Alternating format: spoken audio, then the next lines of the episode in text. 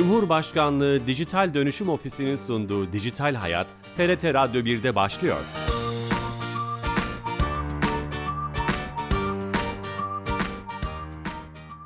Herkese merhaba, ben Bilal Eren. Teknoloji ve dijitalleşmenin hayatlarımızı etkileyen her hafta bir başka konuyla ele aldığımız Dijital Hayat programımıza hoş geldiniz.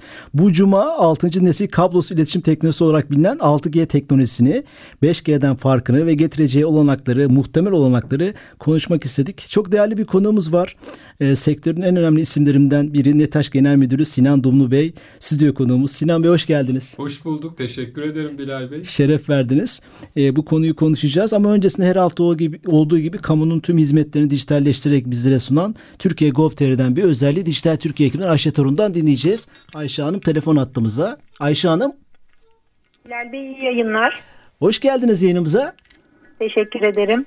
Ee, e, bu hafta hangi özelliği ve servisi bize anlatacaksınız? Söz sizde efendim. Kulaklığınızın sesi ee, çok açık. Bilal Bey bu hafta size e, TRT üzerinden yayınladığımız bir tane hizmetten bahsedeceğiz. TRT ve TürkSat işbirliğiyle hazırlanmış TRT Arşiv Talep İşlemleri isimli bir hizmetimiz var. Bu hizmet kapsamında e, TRT bünyesinde yayınlanmış bir programda eğer e, siz ya da bir yakınınızın örneğin içeriği bulunuyorsa TRT'den bu arşiv yayınını talep edebiliyorsunuz ve devlet kapısından başvurmak suretiyle. Harika TRT, Türkiye Gov.tr bu anlamda e, dijital olmuş oldu, birleşmiş oldu. Emeklerinize sağlık. Teşekkür ediyorum. İyi yayınlar diliyorum. Çok teşekkürler. Sağ olun. Dijital Türkiye ekibinden Ayşe Torun'a bağlandık ve yepyeni bir hizmeti bizlere anlattı. Yeni katılan dinleyicilerimiz vardır. Netaş Genel Müdürü Sinan Dumlu Bey ile beraberiz. Sinan Bey 6G teknolojisi nedir? Hemen başlayalım. Tamam. Yani şöyle söyleyeyim. Bizim sürekli olarak networklerde hıza ihtiyacımız artıyor. Sonuçta 90'lı yıllarda 2G ile biz telsiz şebekeler üzerinden telefon görüşmesine başladık. 3G ve 4G, 4.5G derken burada gittikçe özellikle veri hızlarımız arttı. Şimdi 5G'yi konuşmaya evet. başladık ve 6G'de bunu izleyen bir teknoloji olarak ortaya çıkıyor. Özetlemek gerekirse 6G telsiz şebekeler üzerinden sesin, datanın, videonun iletildiği peki geçmişe göre değişen nedir? Daha hızlı, daha düşük gecikmeli ki bunun biraz daha açmak lazım. Yani düşük gecikmenin önemini de konuşuyor oluruz. Hı hı. Ama daha hızlı ve daha düşük gecikmeli bir şebekeden bahsediyor olacağız. Daha e, bu şu an ARGE çalışmaları devam ediyor değil mi? Test çalışmaları. Şu an hiçbir dünyada herhangi bir ülkede 6G kullanılan bir ülke var mı? Şu anda yok. yok. Hı hı. Genelde bu tip teknolojileri 10 yıllık görmek lazım. Biz 5G'yi 2020-2030 aralığında zaten konuşmaya başladık ve uygulamalarını da görüyoruz. 6G ağırlıklı olarak 2030-2040 aralığının bir teknolojisidir. E, bu aslında şöyle de bir şey söylemek isterim. Belki konuyu da çok dağıtmak istemiyorum ama biz genelde teknolojinin etkisini önce hızlı ama küçük görüyoruz. Ancak aslında teknolojinin etkisi biraz daha uzun zamanda büyüktür. Şimdi bunu şöyle bir kısa örnekle anlatmak isterim. Örneğin biz nesnelerin internetinden bahsettiğimizde ilk olarak mutfak eşyalarının internete bağlanmasından Öyle bahsediyoruz. İşte buzdolabı, tost makinesi. Ya şimdi buzdolabıyla tost makinesini internete bağlayalım da hani ne konuşurlar, ne işe yarar? Hani limitleri kısıtlı. Hı hı. Ama gerçek anlamda biz e, nesnelerin internetinde bu karanlık fabrika dediğimiz tamamıyla robotların üretim yaptığı, içinde elektrik, e, e, klimatizasyon olmayan düşük maliyetli üretime doğru giden bir şeyimiz oldu. Şimdi aynı şey e, 4G, 5G, 6G teknolojilerinde de var. Hızın artmasıyla birlikte aslında son dönemde konuştuğumuz bu metaverse dediğimiz dünyaya doğru bir gidiş olacak. Çünkü biz artık daha fazla cihazı daha yüksek hızla ve daha düşük gecikmeyle bağlamak istiyoruz. Çünkü dünyanın çok daha hızlı çalıştığı örneğin otonom araçlardan bahsediyoruz. Şimdi biz otonom araçları hayata geçirebilmek için e, binlerce aracın olduğu bir yerde çok daha yüksek hızlara ihtiyacımız Kesintisiz. var. Kesintisiz olması lazım. Bir de hızlı reaksiyon vermesi lazım. Burada hı hı. başka tabii teknolojiler de var. Edge computing falan. Hani şöyle bir şekilde belki toplayabilirim. Bizim şu anda konuştuğumuz bulut bilişim, nesnelerin interneti, e, yapay mobility, zeka. yapay zeka. Bunların hepsi aslında 5G ve 6G teknolojilerinin hayata geçmesiyle anlamlı bir birliktelik haline gelecek ve gerçek çözümleri o zaman oluşturacağız. Çünkü hani şunu da söylemek lazım. Diyelim ki biz e, bir metaverse oluşturacağız veya yapay zeka ile bir işlem yapacağız. Bizim bir kere uçtan sensörler koymamız lazım. E bu sensörlerden bilgiyi merkeze getirmemizi. Nasıl getireceğiz? Bizim daha yüksek telsiz e, iletişim sağlayan şebekelere ihtiyacımız var. 5G ve 6G'nin çıkma nedeni bu. Yoksa biz 4G, 4.5G ile de pek Yetiyor. çok şeyi yapıyoruz. Biz şöyle anlıyoruz. Telefonumuza inen videodan veya evimizdeki internet hızlı olmasından aslında bu sizin bahsettiğiniz üretimde, sanayide araçların, cihazların birbiriyle konuşması ile ilgili teknolojiler değil mi? Doğrudur. Yani ilk verdiğim örnek yani teknolojinin biz önce etkisini küçük görüyoruz. Tabii ki cep telefonumuzdan güzel bir videoyu izlemek güzel ama bir robotlarla yapılan üretim başka bir yere gidiyor. Şimdi aslında teknolojinin büyük etkisini biz yeni yeni görüyoruz. Çünkü artık bu bulut bilişim, yapay zeka 5G, 6G'nin yardımıyla bir araya gelecekler ve bunun sonucunda çok daha otomatize, çok daha hızlı çalışan e, sistemler ve dünyada başka bir e, ortam görüyor olacağız. O yüzden 6G, 5G, 6G gibi teknolojiler önemli. Yoksa hani videoyu 4K yerine Çok 8K izlemek zaten küçük bir ekranda izliyoruz. Büyük Ufak bir şeyi yok. Sizin önemli bir konfor ama yani büyük bir şey değil ama binlerce sensörü, binlerce otonom aracın olduğu bir yerde bizim daha yüksek hıza ve daha düşük gecikmeye ihtiyacımız var. 5G ve 6G bunları sağlıyor. Bu çok olacak. önemli bir açıklama. Hani hep şu soruluyor ya 5G geldi, 6G, 7G yani gidecek. Neyse bu bize nasıl bireysel olarak nasıl yansıyacak? Aslında açıklamanız çok kıymetli. Bu G'de generation Doğrudur. E, nesil demek Türkçe. Bunu da açıklamakta belki evet, fayda iyi, var değil iyi, mi? Söyle, iyi hatırlattınız. Doğrudur. Yani buradaki G kısaltması aslında generation, nesilden hmm. geliyor. Bu arada bir de kısaca şeyden de bahsetmek isterim. Yani aslında 5G ve 6G'de tamamlayıcı teknolojiler iletişim açısından biraz evvel söylediğim yapay zeka, bulut bilişim, IoT, nesnelerin interneti bunlar tamamlayıcı bilgi teknolojisi bileşenleriydi. Ancak iletişim teknolojileri içinde de tamamlayıcı bileşenlere ihtiyaç var. Örneğin Wi-Fi 6. Yani Wi-Fi 6 ile 5G veya 6G rakip değildir. Tamamlayıcı teknolojilerdir. Veyahut da fiber optik üzerinden il- iletişim.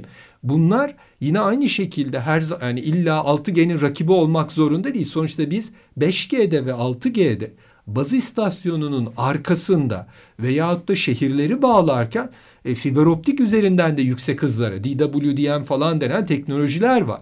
Yani aslında burada 5G ve 6G teknolojilerini tamamlayıcı olarak Wi-Fi 6, Wi-Fi 7 ondan sonra e, fiber optik üzerinden ışıkla olan iletişim bunlar hepsi birbirine rakip olarak görülmemeli, tamamlayıcı olarak görülmeli. Aynı şekilde bulut bilişim, yapay zeka, büyük veri bunların hepsi tek başına çok anlam ifade etmeyen bir araya geldiğinde bir şey, bir şey olan hmm. bir şey. Çünkü bizim sonuçta toplam bir çözüme ihtiyacımız var. Bu parçalar bir araya gelmek zorunda. Bu çok önemli bu açıklama. Bir de herhalde 6G'de e, biraz e, çalışma modelinde bir farklılık oluyor. Wi-Fi yerine Li-Fi deniyor. Biraz da buraya girmekte fayda var. Tabii. Yani şöyle söyleyeyim. E, te, aslında aşırı teknik detaya girmeden şunu söylemekte yarar var. E, bizim daha düşük e, e, gecikmeye ve daha yüksek hıza ihtiyacımız var. Arkada bunu yaparken kullandığımız teknolojileri e, bizler bilgisayar mühendisleri, elektronik mühendisleri geliştiriyoruz. Ama önemli değişikliklerden biri eskiden daha proprieter sistemler halinde çalışan bu sistemlerin daha açık sistemler haline geldiği, daha yazılım temelli hale geldiği ve biz burada bu beklenen hızları ve gecikmeleri sağlayacak şekilde LED teknolojilerini, telsiz teknolojileri hepsini bir arada kullanarak ve yazılım temelli teknolojileri bir arada kullanarak iyi çalışan, hmm. e, kesintisiz çalışan, yüksek hızlı ve düşük gecikmeli çalışan şebekeler kuruyoruz. Bu şey bu kesintisizlik çok kıymetli. Araba örneğinden de işte otonom bir arabanın kesintisiz olarak sensörler aracıyla merkeze veya başka arabalarla iletişime geçip e, işte yolda trafikte e, rahat bir şekilde tehlikesiz gitmesi mesela örnek olarak verebiliriz değil mi? Bu çok Doğrudur. Kıymetli. Yani şu anda başladığımız noktada aslında edge computing veya kenar bilgi işleme diyeceğimiz teknolojiler kullanmak zorundayız. Niye? Bir araba e, terabaytlarca data üretebilir. Niye? Etrafındaki kameralar var, sensörler Binlerce var, uyarıcı. diğer şeyleri. Şimdi bunları bir kere depolaması ve toplaması lazım. Sonra bunu işlemesi lazım. Şimdi bunun tamamını günümüz teknolojileriyle merkeze göndermek, merkezde işlemek, sonra geri getirmek e, pratik değil. Çünkü aracın çok hızlı reaksiyon vermesi lazım. Onun için şu anki teknolojilerde, otonom araçlarda pek çok karar aracın içindeki işlem gücüyle sağlanıyor. Tabii ki merkeze bazı şeyler soruluyor. Ancak bu 5G, 6G teknolojileri geliştikçe belki bu mimariyi de değiştirmemiz, daha fazla merkezden bazı şeylerin yönetildiği yerlere doğru gitmemiz söz konusu olabilir. Çok Ancak e, bugün diye bakarsak bugün otonom araçları biz toplanan verinin büyüklüğü ve karar verme hızının e, yüksek e, kısa sürede olması e, gereksinimi nedeniyle merkeze kadar yollayıp kararı orada verip buraya getirme şansımız yok. Onun için bu kenar bilgi işlem veya İngilizce edge computing dediğimiz kavram şu anda e, kullanılması gereken bu, bir bu teknoloji. örneği aslında daha iyi otursun kafamızda bu mobil iletişimin ne anlama geldiği. Bir de e, e, belki şöyle kabaca bir şey söyleyebilir miyiz? E, 5G ve diğer e, 4G, 3G, Wi-Fi yani radyo sinyalleriyle ilgili bir teknoloji. 6G ise e, LED'le, ışıkla ilgili bir teknoloji deniyor. Böyle açıklayabilir miyiz kabaca? Yani böyle de açıklayabiliriz ama aynı zamanda şeyi de söylemek lazım. Günümüzde de aslında ışıkla yapılan kısımlar var. Yani sonuçta 4G'nin 5G'nin arkasında da biz e, fiber optik kablolar üzerinden örneğin taşıdığımız e, teknolojilerden de bahsediyoruz. Burada e, e, hem Wi-Fi hem Li-Fi gibi teknolojiler hem e, fiziksel hatlar üzerinden yani e, telli hatlar üzerinden olan iletişimde. Ya ben genelde şöyle söylemeyi tercih ediyorum. Teknolojide bir teklik yok. Yani şu da mesela konuşuyordu. Uç cihazlarda e, bir, bir zaman deniyordu ki benim elimde tek bir cihaz olacak her şeyi yapacak. Şu anda hepimizin hem bilgisayarı var hem cep telefonu var hatta bir kısmımızın tableti de var. Doğru. Ben insan doğasında veya ihtiyaçlarda tekillik olduğu görüşünde değilim. Yani birden fazla teknoloji birleşecek, bir şey gelecek, hepsini yok edecek. Ben bunu şu ana kadar 35 yıldır bu sektördeyim görmedim. Doğru yerde telli teknolojiler, doğru yerde ışık teknolojileri, doğru yerde e, radyo frekansları bunların kullanıldığı ortak bir e, hibrit bir ortam Platform. oluşacaktır. Hmm. Aynı şekilde mesela biz bulut bilişimde de bu şu demek değil bir bankanın veya bir telekom şirketinin kendi veri merkezi olacak. Ama aynı zamanda bizim public cloud, genel bulut dediğimiz de olacak ve bu ikisi birlikte hibrit bir şekilde çalışacak. Aynı şekilde günümüzde biraz evvel mesela araç örneğini verdim. Aracın içinde de bir işlem gücü olacak. Onu merkezle den sorduğu ve oradan aldığı bilgiler de olacak. Şeye eski çok bakmamak. çöpe atmıyoruz yani eski teknoloji. Yani şöyle söyleyeyim. Teknolojileri Bazılarını belki emekli ediyor olabiliriz yıllar içinde ama görülebilir gelecekte e, teknolojiler tamamlayıcı olarak doğru yerde doğru teknoloji. Yani ben cep telefonumdan da e-mail'a bakıyorum. Tabletimden de bakıyorum. E, bilgisayarımdan da bakıyorum. Şimdi bunları atıp bir tane cihaza gelmiyor. Aynı şey şey içinde yani evimize örneğin kablolu hat gelmeyecektir demek çok iddialı olur şu an itibariyle. Göreceğiz nereye doğru evrileceğini. çok Ama zaman. şöyle bir birleşme oldu mesela. Eskiden bizim evimize bir tane telefon hattı gelirdi. Bir tane koaksiyel televizyon hattı gelirdi. Bir tane de internet hattı gelirdi. Şu anda evimize tek bir hat gelse bu kablolu veya kablosuz olabilir. Ben bunun arkasına telefonu da koyabiliyorum. Hepsi çalışıyor. Bilgisayarı evet, da koyabiliyorum. Evet. Televizyonu da koyabiliyorum. Doğru. Yani ama bu bir süreç aldı değil mi? Bu bir süreç aldı. Aa, evet. Zaten ben şöyle de söylüyorum. Bir yakınsama denen, İngilizce convergence denen şey var. Birinci yakınsama evresi şuydu. Ses, data, video birleşti. İnternet üzerinde, internet protokolü üzerinde ve biz artık data hatları, data protokolleriyle sesi, datayı, videoyu iletebiliyoruz. Aynı zamanda Teams, Zoom bunları düşünün. Doğru. Ses de gidiyor, data da gidiyor, e, görüntü de gidiyor. Doğru. Aynı şekilde evimize üç hat gelirken tek hat geliyor. Hmm. Sonra bir ikinci yakınsama evresi geldi. Sunucu veri depolama sistemleri artık Google Cloud, e, Apple'ın iCloud'u, e, Azure. Şimdi ne yapıyoruz? Şimdi siz orada ne kadar sunucu, ne kadar veri depolama, yedekleme biliyor musunuz? Bilmiyoruz. Ama kolaylıkla oraya verilerinizi atıp alabiliyorsunuz. Doğru. Şimdi üçüncü yakınsama evresine doğru giriyoruz. Üçüncü yakınsama evresinde de bilgi teknolojisindeki yapay zeka, büyük veri, telekom teknolojilerinde 5G, 6G, fiber optik hatlar vesaire bunlar birleşecek. Hatta cryptocurrency, blockchain bütün bunlar birleşecek ve bir sanal dünyanın tüm bileşenleriyle hayata geçirilmesi mümkün olacak. Hmm, Web 3 belki bunların içinde de. Evet. Gibi gibi. O da mesela oraya doğru evriliyor. AR VR yani e, augmented reality virtual sanal gerçeklik. Sanal gerçeklik. Aslında 5G 6G'nin bir gerekçesi de o. E, ben şeyi taktım gözlüğümü taktım. E bunu her, kabloyla mı bir yere takacağım? Yani benim burada yine aynı şekilde kablosuz bir teknoloji ve bunun yüksek band genişliği ve çok hızlı olmasına ihtiyacım var. Bilmiyorum hani dinleyicilerimiz arasında Oculus'un mesela e, sanal gerçeklik gözlükleri var. Mutlaka Deneyenler var. olduysa onlar benim çocukluğumda hatırlamazlar belki. Atari diye bir oyun vardı. Bir Atari'ye bakın bir de şimdiki oyunlara bakın. Arada uçurum var. Şeyi de şöyle düşünün. Şu anki sanal gerçeklik benim çocukluğumdaki Atari. Onun 10-20 yıl içinde nereye Başka geleceğini şeye hayal edin. Evet. Veya e, küçüklüğümüzdeki çizgi filmler şimdiki animasyon. 6G'de bunların altyapılarından bir tanesi. Ona ihtiyacımız, İhtiyacımız var. olacak. O olmadan yani insanlar bazen şu "E, ihtiyacım var. Evet ihtiyacımız var. Çok önemli. Bu şeyi aslında güzel bir kapı açtınız. 6G'de işte bugün hani Metaverse için konuşulan koku, tat, dokunma gibi şeylerin e, 6G ile mümkün olabileceği aktarılması gerekiyor ve bunlar büyük bir veri. Yani kokuydu, tatlı vesaireydi gibi verilerin 6G ile mümkün olacak mı e, elimize geçen şimdi bunlar tabii yeni gelişmekte olan teknolojiler. Burada e, bunu tarifleyebilmek için pek çok şey lazım. Önce e, ben bir uç noktadan ortamdan bu işte tattı veya kokuydu, görüntü bunları alabilmem lazım. Bu büyük bir veri olacak. Benim bunu yüksek hızlı bir şebekeyle örneğin 6G bunu sağlayacak olarak biz gör.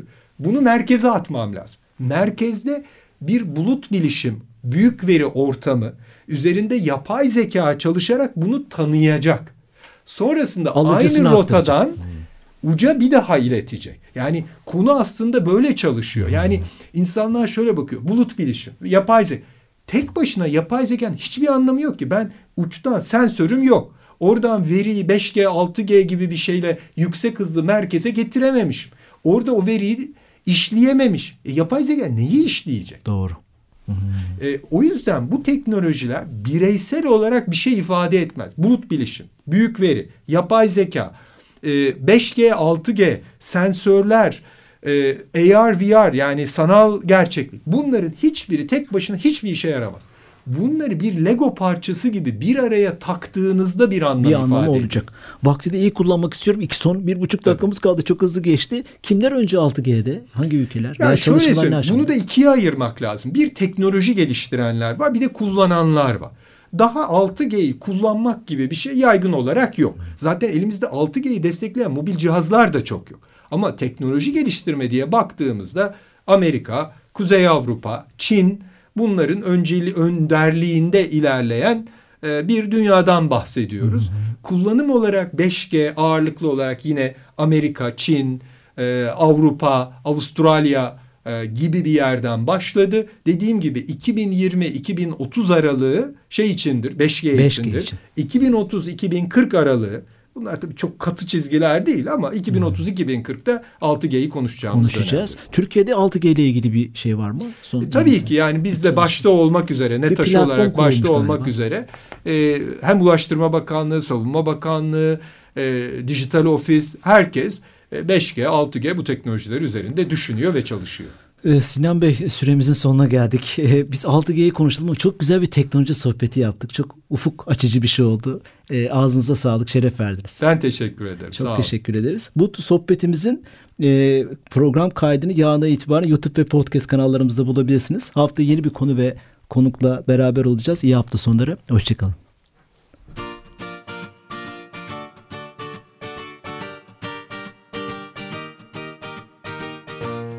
Cumhurbaşkanlığı Dijital Dönüşüm Ofisi'nin sunduğu Dijital Hayat, TRT Radyo 1'de sona erdi.